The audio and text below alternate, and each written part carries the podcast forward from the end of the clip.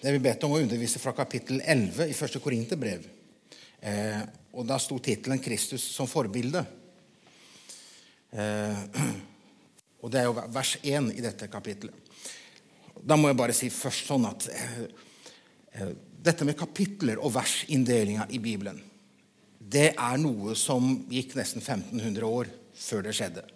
Eh, Septuagint, eller mener den, den eh, Vulgata, den, den, latinske Bibelen, var kanskje en av de første som begynte med det.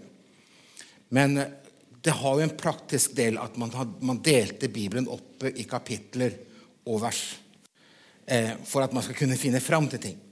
Men det er enkelte steder som du ser at de bommer litt fordi i forhold til dette med temaet. De klarer ikke å, å følge kapitlene, klarer ikke nødvendigvis å følge temaene.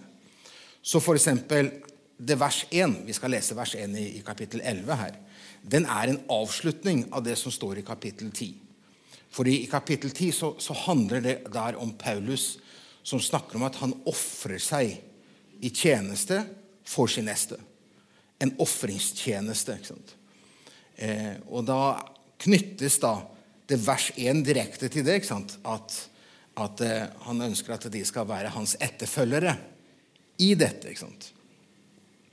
Eh, og Det er kanskje et vers som er kanskje viktig for oss at vi skulle kanskje trekke litt mer fram. i den forstand at vi, vi har kanskje lettere i dag for å si at eh, ja, vet du hva, jeg, eh, ikke, se på meg, for jeg er en synder som deg. og Jeg er ikke noe perfekt i hele tatt. så Se heller på noen andre. eller Vi har, vi har en unnskyldning for hvordan livet er. Mens Paulus han, han, han, streber etter å prøve å være et eksempel i det han forkynner.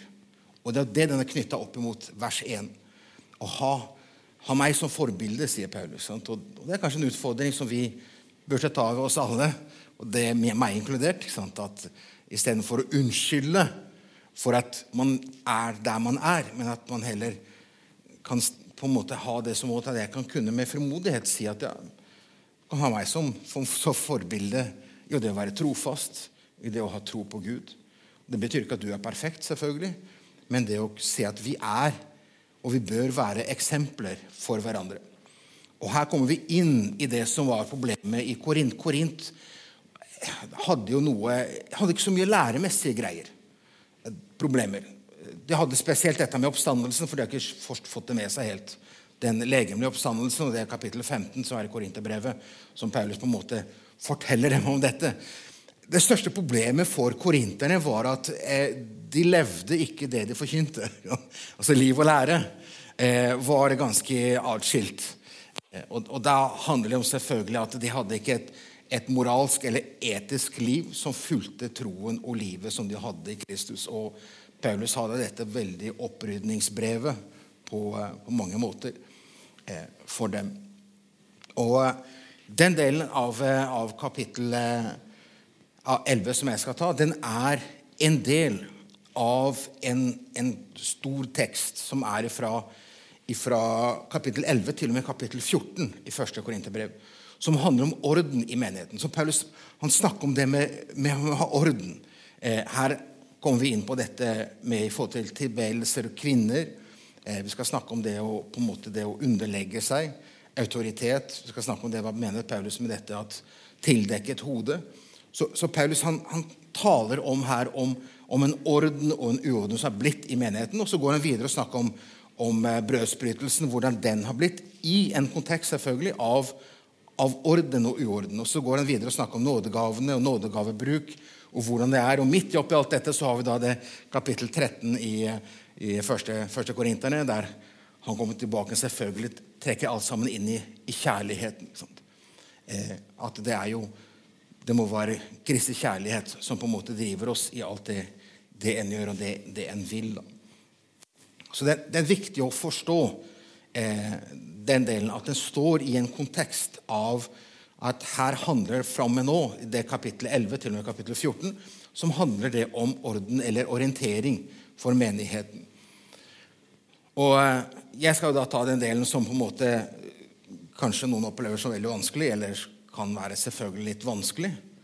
Eh, I dette her med å snakke om, eh, om tildekket hode.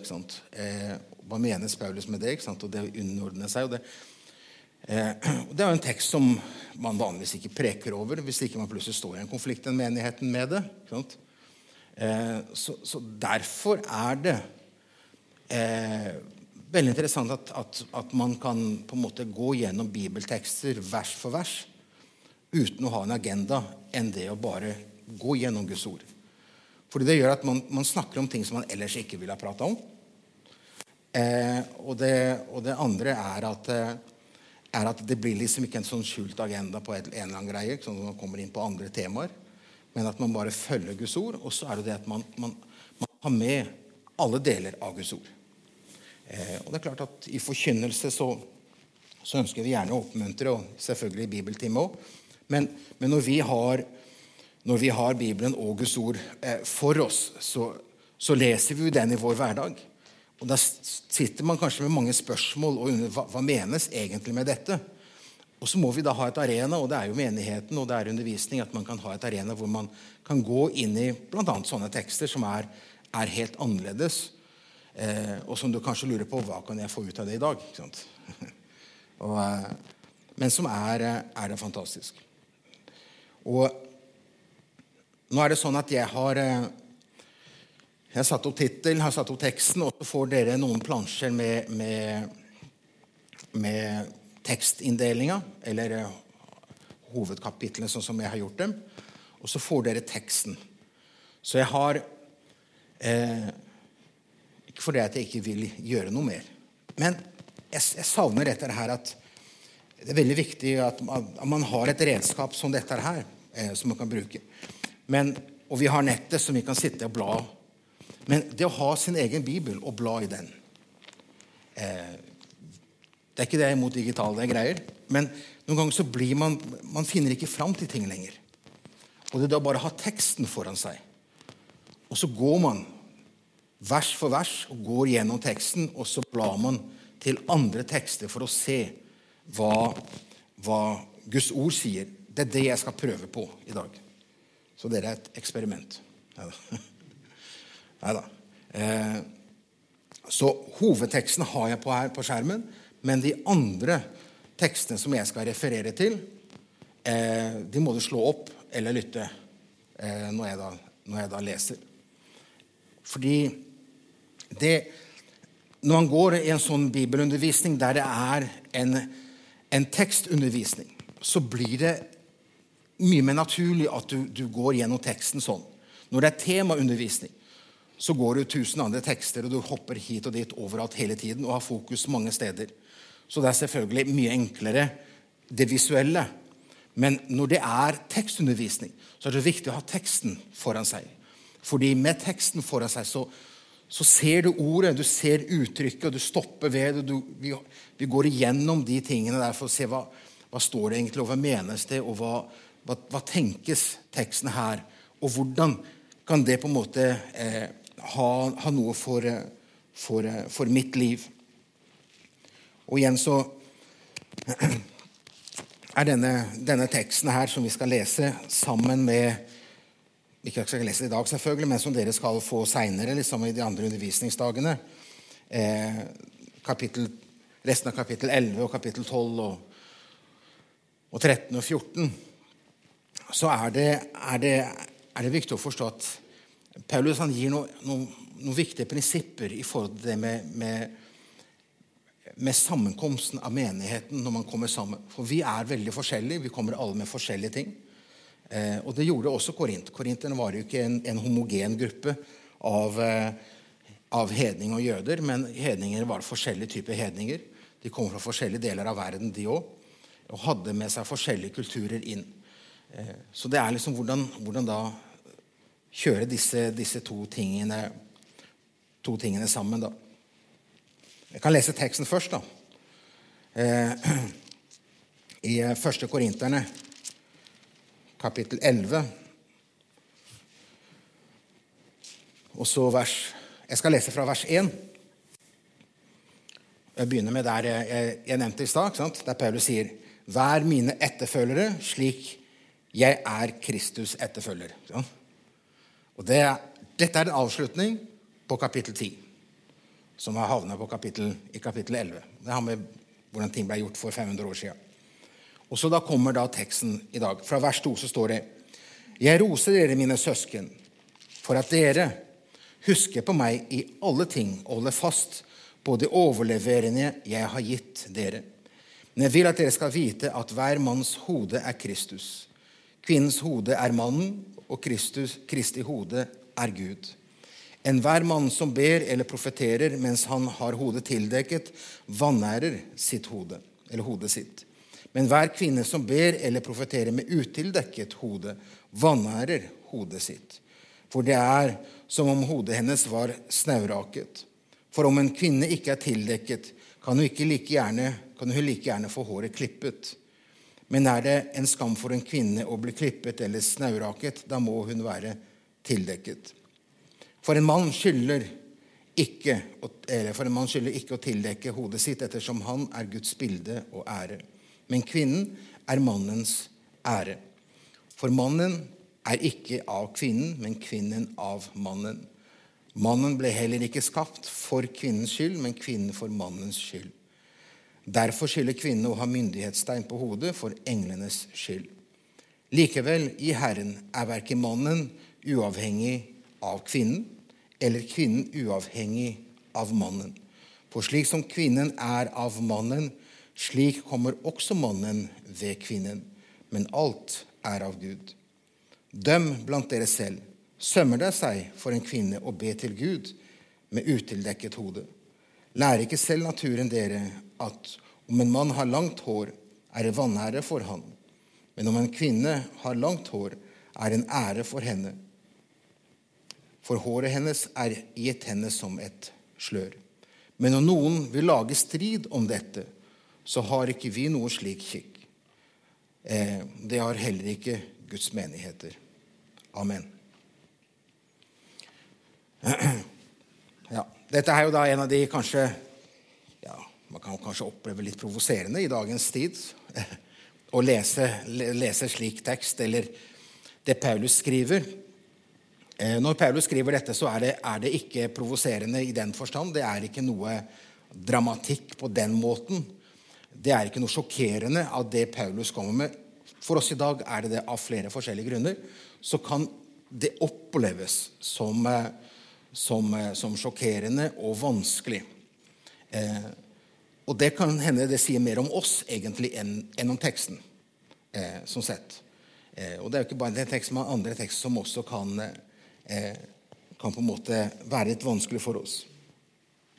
Eh, det er viktig å forstå før man går, går inn i versene her, er jo dette her er at, er at Gud skapte mann og kvinne i sitt bilde. Så dette her er ikke snakk om, om noens verdi høyere eller, eller mindre verdi. Det handler, handler, ikke om noen som er på en måte mer underlegne enn andre i, i verdiformat.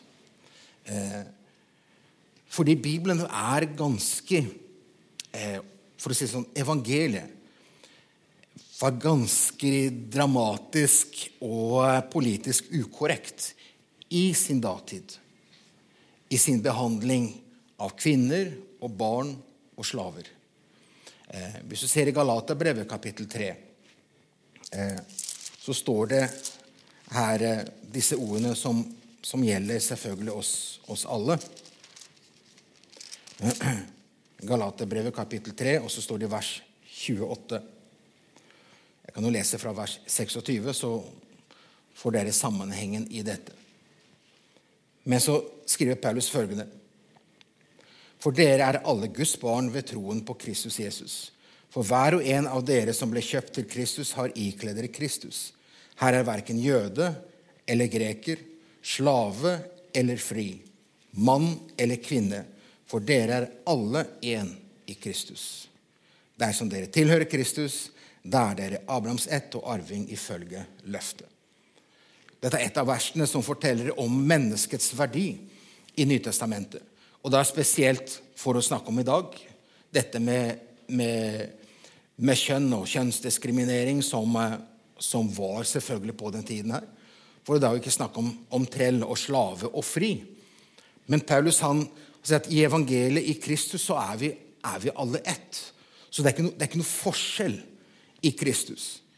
Eh, og det er, det er den friheten og det er, det er dette, dette, nye som evangeliet bringer inn i de troendes liv, som var til en stor grad veldig eh, Oppleves veldig sjokkerende for det gresk-romerske samfunnet, som hadde veldig sterke rangeringsordninger. Og selvfølgelig, det å være romersk borger var jo det aller største. Men så plutselig så står du i en menighetssammenheng der en romersk borger på en måte er sammen med en slave og en kvinne og barn og menn. Og alle disse samfunnslag og strukturene de står i ett og er i ett fellesskap. For, for romerne og for grekromerne er dette sjokkerende i hele tatt, alt dette her som skjer. Selv om det var til en viss grad snakker om historikere, et visst eh, på en måte, man kan kalle det kvinneopprør i, i Rom. Eh, der de, låste, de stengte seg inn i Colosseum og gjorde et opprør pga. Av, de ønsket sine frie rettigheter i Rom. Så visste Paulus selvfølgelig om dette. Men dette kom inn selvfølgelig her i, i Korint. Og det var eh, dette her med den friheten som på en måte alle har i Kristus. Men som Paulus så at denne friheten begynte å bli en unnskyldning, kanskje til en opposisjon av forskjellige ting. Og der han går inn og snakker om orden og snakker om, om forskjellige ting. Men, men han begynner å han begynner med i vers 2 med å gjøre noe som han ikke gjør så ofte. Eller kan si, Han gjør ikke andre steder enn her, nesten, i Korinterbrevet. ikke sant? Han roser korinterne. ikke sant? Han begynner med et ros. ikke sant? Han sier der, i, der i, i vers 2 i kapittel 11 så sier han til dem at jeg roser dere, mine søsken, for at dere, så står det, husker på meg i alle ting og holder fast på de overlevering jeg har gitt dere. Så han roser dem for at de oppsøker ham. De, eh, han roser dem fordi de holder fast med de overleveringer eller, eller tradisjon eller det ord, eh, læremessige ting som han har kommet til dem. Så her på en måte han roser at de holder på en del av læren, selvfølgelig, og dette at de oppsøker han når de er i tvil på hvorfor og hvordan. Og det er klart at vi ser jo I, i kapittel 7 så handler det om at de skriver et brev der det handler om dette at de, de trenger hjelp, for det er partier i menigheten, og det er mye greier i menigheten. Men her roser han dem. Før han da vil da her snakke om, eh, om eh, eh, hvordan, hvordan, ting er eh, i menigheten. Og han vil da snakke om, om hierarki, om ordning. Han vil, han vil samtale om dette med med hvordan mann og kvinne og kvinne og mann forholder seg til hverandre, og mann og Gud, og Gud og Kristus, eller Gud, eh, mann og Kristus, hvordan dette forholder seg til hverandre. Og han, eh, han bruker tre Jeg har delt av hjelp av noen andre, så jeg har ikke funnet på dette helt selv, selvfølgelig. Men av hjelp av noen, så har han brukt opp tre hovedargumentasjon eh, i den teksten som vi leser, som kan hjelpe oss i å prøve å forstå hva Paulus mener eh, og hva vi kan på en måte trekke inn i oss. For det er klart at igjen, så, så samtaler vi skal se dette, så snakker Paulus i en samtid eh, som har en kulturell også del i dette her. Eh, og som vi ser det spesielt i den siste delen når han snakker om, om naturen. da. Men eh, Jeg vil se om jeg får det fram. Så de tre på en måte hovedargumentsområdene han bruker når han snakker om dette med, med å underordne seg, eh, og hvordan, hvordan, den orden skal være i menigheten i forhold til kvinnens rolle og mannens rolle i menigheten, så bruker han argumentasjonen om frelsen, om skapelsen og, og naturen. Han bruker det som argumentasjon for å vise eh, at noe er faktisk helt naturlig i noe som vi kan oppleve i vår individualistiske verden som provoserende. Og det er jo da Da går jeg tilbake til Jeg ikke tilbake, men jeg, jeg bruker den, den, teksten her, fra vers 3 til vers 7, om frelsen. Jeg tok med vers 2. Men hvis vi tar fram vers 3, står det men jeg vil at dere skal vite at hver manns hode er Kristus, kvinnens hode er mannen, og Kristi hode er Gud. Eh, Det første han, han, starter med å fortelle om Kristus og avslutter med Kristus i den setningen der. Men det han, han viser her, det finnes en hierarki i alt. Det finnes noe som er, er, er satt opp som en hierarkisk ordning, eh, og, og, som er en del av, eh, av, av det naturlige. Men, men, det vi kanskje må eh, først spørre oss om, hva betyr hode egentlig? Hva menes dette med hode, begrepet hode? Eh, nå forstår vi kanskje aller fleste av oss at det er billedlig tale. Det snakkes ikke om ditt konkrete fysiske hode. ikke sant? Når han snakker om her. Men jeg vil at dere skal vite at hver manns hode er Kristus. Eh, så han snakker jo selvfølgelig om et, et bildespråk. Og hva menes da med hodet? Og her er det to eh, på en måte tolkninger som har vært brukt mye i forskjellig, forskjellig sammenheng. Eh, jeg skal vise begge, eh, og så skal jeg holde fast ved den ene.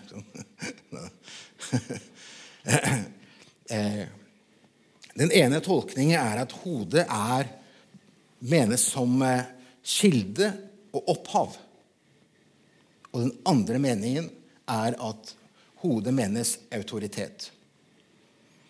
Eh, og For å ta den første hodet som kilde eller, eller opphav. Eh, og Det er basert på flere av Paulus sine, sine tekster, egentlig, og hvordan han, han, han, snakker om det. Fordi det står i hvis du ser, Jeg skal se på tre tekster her. Kolossebrevet 1, Kolossebrevet kapittel 1 og vers 18.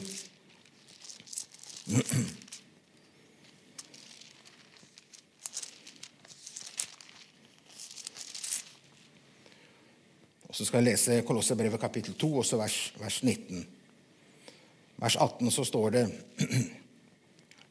Og han som hode for kroppen, menigheten, han, er, han som er begynnelsen, den førstefødte av de døde, for at han skal være den fremste i alle ting.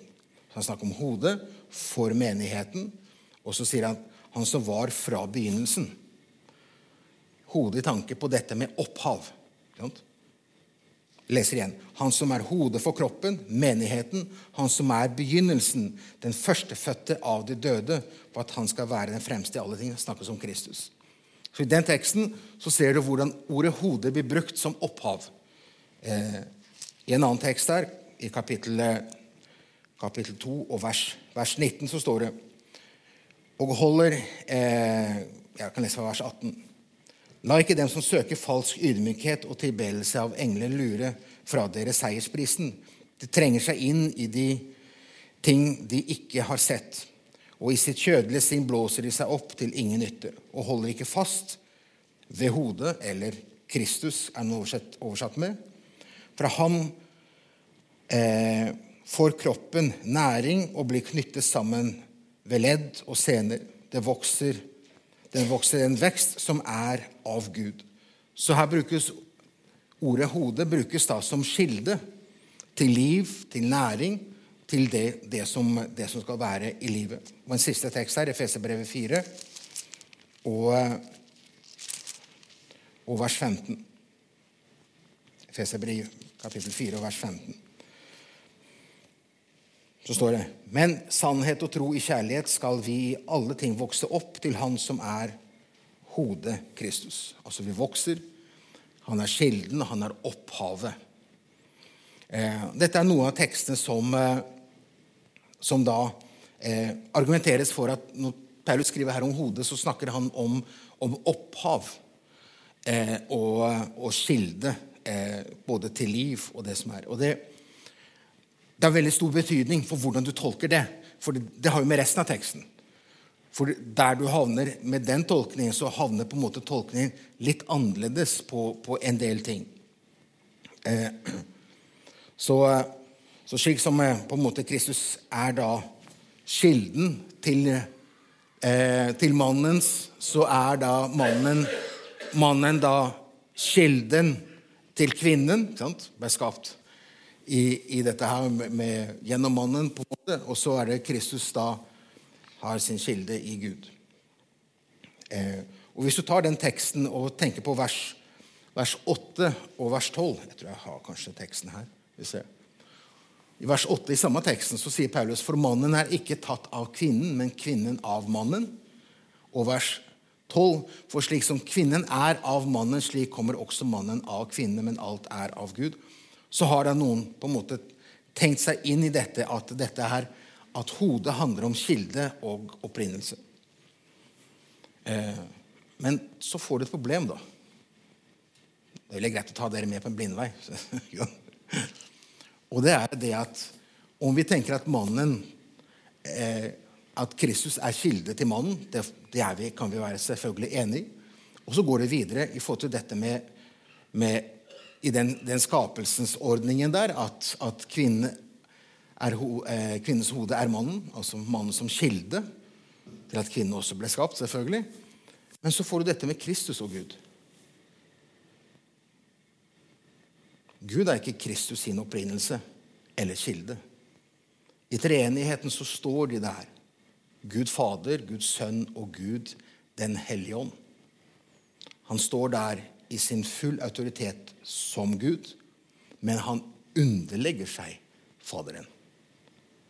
Og da har du plutselig et tekstproblem. Og dette er sånn teologiske greier, men sånn typiske ting som er viktig å tenke på at hvis den for Grunnen til at man også bruker litt kilde, som jeg viser i Paulus sine tekster, er for å på en måte gjøre det litt enklere. Resten. Men hvis du gjør det, prøver å gjøre det, så får du plutselig et problem med vers 3.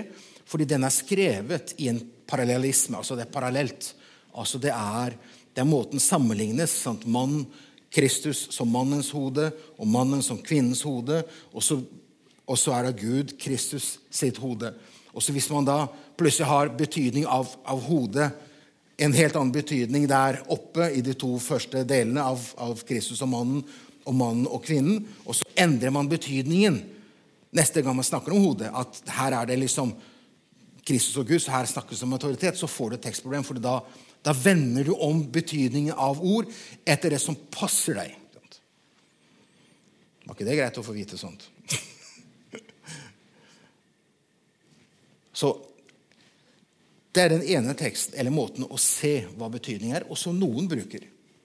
Eh, og Når du hører det, så vil jeg gjerne at du skal være, være klar over det, at du får et problem i den teksten som de bruker dette i, og det er, det er siste delen av vers 3, i forhold til å se på Jesus som skapt av Gud, kilden til av Gud og kilden av Gud. Og Det er ikke på den måten. Det er en treenighet. Men Kristus det skal vi se, han legger seg under. Kristus han opphøyer Faderen. Men det gjør han av sin frivillige. Han er, han, han er en, i denne treenighetens og ikke sin opprinnelse og skaper. Så derfor den, den tolkningen som gir mest mening, og som gir en, en samlet på en måte, forståelse, som gir en helhet i, i, i dette vers 3, er å tolke at hodet menes som autoritet. Og ikke som kilde eller opprinnelse, men som autoritet. Og Da kan vi si amen til dette med, med Gud og Kristus, og så sier vi dette med mann og kvinne, som blir retta. Eh, og det er jo og det er fantastisk.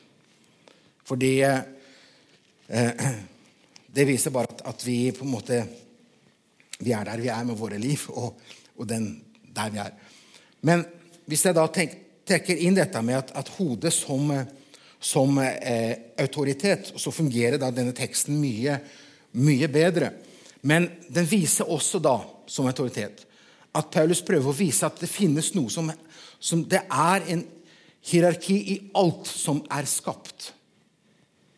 Og han bruker da Jesus som eksempel før han da skal snakke om mannen og dette med å profetere og ikke tildekket hode. Kvinnen profetere med eh, mannen med tildekket og kvinnen med ikke tildekket hode. ikke sant? Før han snakker om, om, de rollene og det som er, og det at for mannen skylder ikke eh, noen utenom det å ære Gud.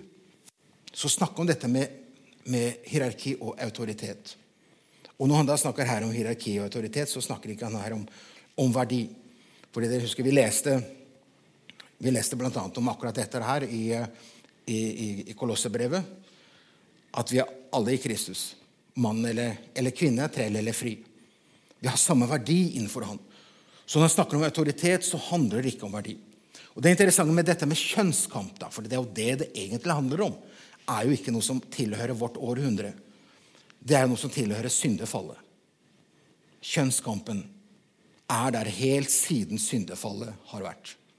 En kamp mellom mann og kvinne, både i rolle, posisjon, autoritet og hvem som bestemmer, og hva man bestemmer. Eh, og det, det, ser du med, med disse på en måte fedrene i Gamle Testamentet. Jeg skal ikke, skal ikke se på Abraham og Isak og Jakob, men eh, alle dem var på en måte godt gift. Men eh, både Isak og Jakob var sterke personer, men de hadde sterke damer som bestemte ting i bakgrunnen. Og så ble det det det ble. Eh, og det er interessant at Bibelen ikke skjuler det. ikke sant? At du har en dysfunksjonell familie som, eh, som Jakob eller eh, Isak sin familie. Dysfunksjonell idé at du har, du har, en mor på bak, bakgrunnen som på en måte setter søsknene opp mot hverandre liksom, for å få gunst av den ene eller den andre. Det er en dysfunksjonell familie. Men du ser hvordan Gud bruker disse dysfunksjonelle familiene sant, til ære for Han. Og Gud bruker det, og det er det som gjør Bibelen som enda mer troverdig. For hadde Bibelen skrevet av bare mennesker, så hadde sånne sære og dumme karaktertrekk man holdt unna. Ikke sant? Men Bibelen trekker fram. Ikke Abraham løy. Ikke sant? Ikke én gang, men to ganger. Ikke Han, troens på en måte, troens mann. Men dette, dette er noe helt annet, selvfølgelig. Så. Men her i, i første, første, Mosebok, kapittel 3, eh, i, og ved, ved syndefallet, så står det i i syndefallets konsekvens av, eh, av, det som da oppstår. Nettopp dette med, med, den konflikten. For det står sånn at av forbannelsen og straff som Gud kommer over til menneskene. Og han sier fra med vers 15, så står det der i 1. Mosebok kapittel 3. For jeg setter fiendskap mellom deg og kvinnen, sier Gud da til slangen. Mellom din ett og hennes ett, og han skal knuse ditt hode, og du skal knuse hans hæl. Og til kvinnen sa han, jeg skal gjøre ditt strev meget stor i ditt svangerskap. Med smerte skal du føde barn. Din lyst skal stå til din mann, og han skal råde over deg. Eh, så du ser allerede her at her ligger det ting som på en måte ligger i selve eh, syndefallets konsekvens av hvordan både relasjon blir, blir på en litt annen måte enn det det var. Men du ser at i skaperordning så konsekvensen for skaperverket av syndefallet har ikke med Eva sitt fall, men det er jo knytta opp til Adam sitt fall. For Det står i verset etterpå. Til Adam sa han, fordi du fulgte din kones stemme og spiste av treet som jeg ga et bud om, og sa du skal spise av, ikke spise, skal jorden være forbannet for din skyld. Med smerte skal du spise av den alle dine livsdager. Så syndefallet knyttet til Adam, selv om det var Eva som tok. Og Her viser noe om, om autoritet. Her viser om noe hierarki i forhold til skaperordning som Herren har gjort. Det handler ikke om intelligens, det handler ikke om verdi, det handler ikke om noen på en eller annen måte er der eller der, men det handler om hvordan Gud stiller den enkelte til sitt ansvar. Gud stilte Eva til ansvar for sin egen handling. Gud stilte Adam til ansvar for sin egen handling. Mens for kvinnens konsekvens for Eva så hadde det for hennes selvfølgelig liv, men for Adam så hadde det for hele skaperverket. Fordi han var skapt. Først i den forstand. Eh, som er noe av den, den autoriteten Nå hopper jeg egentlig over, for nå er jeg på neste, neste punkt. I den forstand. Eh, men det er veldig viktig at, at man forstår akkurat den delen der hva Paulus gjør her med å forstå dette med hierarki. At det finnes noe som heter autoritet. Eh, fordi ja, kanskje, kanskje, noen av dere har arbeidsgivere. Har dere hatt en arbeidsgiver? Noen har kanskje en arbeidsgiver. Eh, og eh, kanskje du føler og du er smartere enn din, enn din sjef. Og det kan hende du er. Men det gjør ikke dermed sagt at du har mindre verdi, men du står til ansvar for en sjef som over deg. Og det er kanskje derfor han ansatte deg òg. fordi du var smartere enn han eller henne. Hvis en politimann stopper meg et eller annet sted og gir meg en flott, fin uh, trafikkbot for et eller annet greier, så må jeg bare erkjenne det, for han står i en autoritet. Men det betyr ikke at han er smartere, det betyr ikke at han har høyere verdi enn meg. Det betyr ikke at han har noen, noen mer posisjon enn meg på noen som helst måte for å si, innenfor Gud. Men det betyr bare at han har den autoriteten til å gjøre det.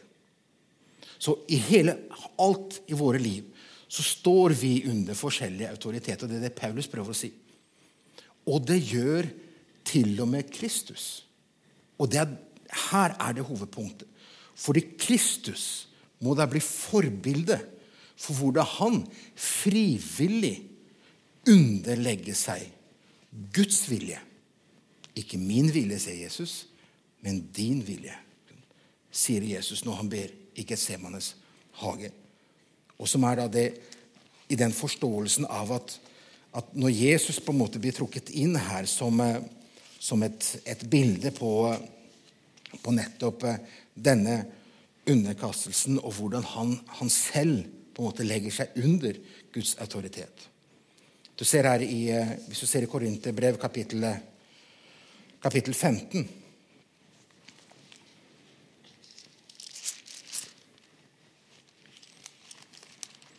Du syns kanskje jeg bruker veldig mye tid på akkurat dette her, men for alt det andre som kommer her etterpå, den løser seg litt enklere.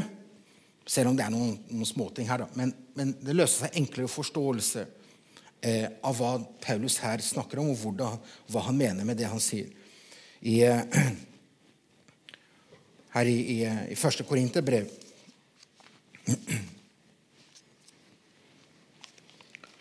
i eh, kapittel 15 eh, og vers 24 så er jo det en, en tekst som vi Vi snakker om oppstandelsen fra de døde. Men der du ser hva Jesus gjør på slutten der, i vers 28 Jeg kan lese fra vers 24, så står det så kommer enden når han overlater riket til Gud Faderen, står om Jesus. Han gjør slutt på all makt, all myndighet og alt velde. For han må herske til han har lagt alle fiender under sine føtter, står det om Kristus. Den siste fienden som skal bli utslettet, er døden. For han har lagt alle ting under hans føtter. Men når han sier alle ting er underlagt ham, er det klart at han som har lagt alle ting under ham, er unntatt, selvfølgelig. Så står det sånn vers 8. Når, når nå alle ting er blitt underordnet ham, altså ham, Kristus, så skal også Sønnen selv bli underordnet ham. Eller beklager, ham her og Gud, selvfølgelig. Som la alle ting under ham, for at Gud skal være ære eh, alt i alle. For at Gud kan være, være alt i alle. Så ser at, at Jesus han, han, sier her et sted at, at, at, at min far er større enn alt. Eh, så i sin ypperste så sier jeg og Faderen er ett. Så Jesus sier at hans posisjon er ikke under Faderen. Han er på en måte ett med Faderen. Men han underlegger seg. Og etter å ha seiret over alt, og alt det Faderen har gitt han, så vil da på en måte Sønnen overgi alt til Faderen. Til Gud. For at alt skal være i ham. Det er den underleggelsen som, som Paulus snakker om, at, at, det finnes hos Jesus i skaperverket. Jesus gjorde det, og det bør være et eksempel for oss at vi bør underlegge oss hverandres autoritet. Og du kjenner at det er jo viktig for en orden i menighet. At man gir autoritet til noen. Og at man ikke fordi den personen nødvendigvis fortjener eller er klokere eller er visere, men pga. at den er satt i en slik autoritetsstilling. Og hvor viktig det er for å da kunne bevare orden og eh, i, uh, i, menigheten. Var det greit? Ja. Da tar vi en pause, og så går vi og snakker om å, å ha tildekket hodet.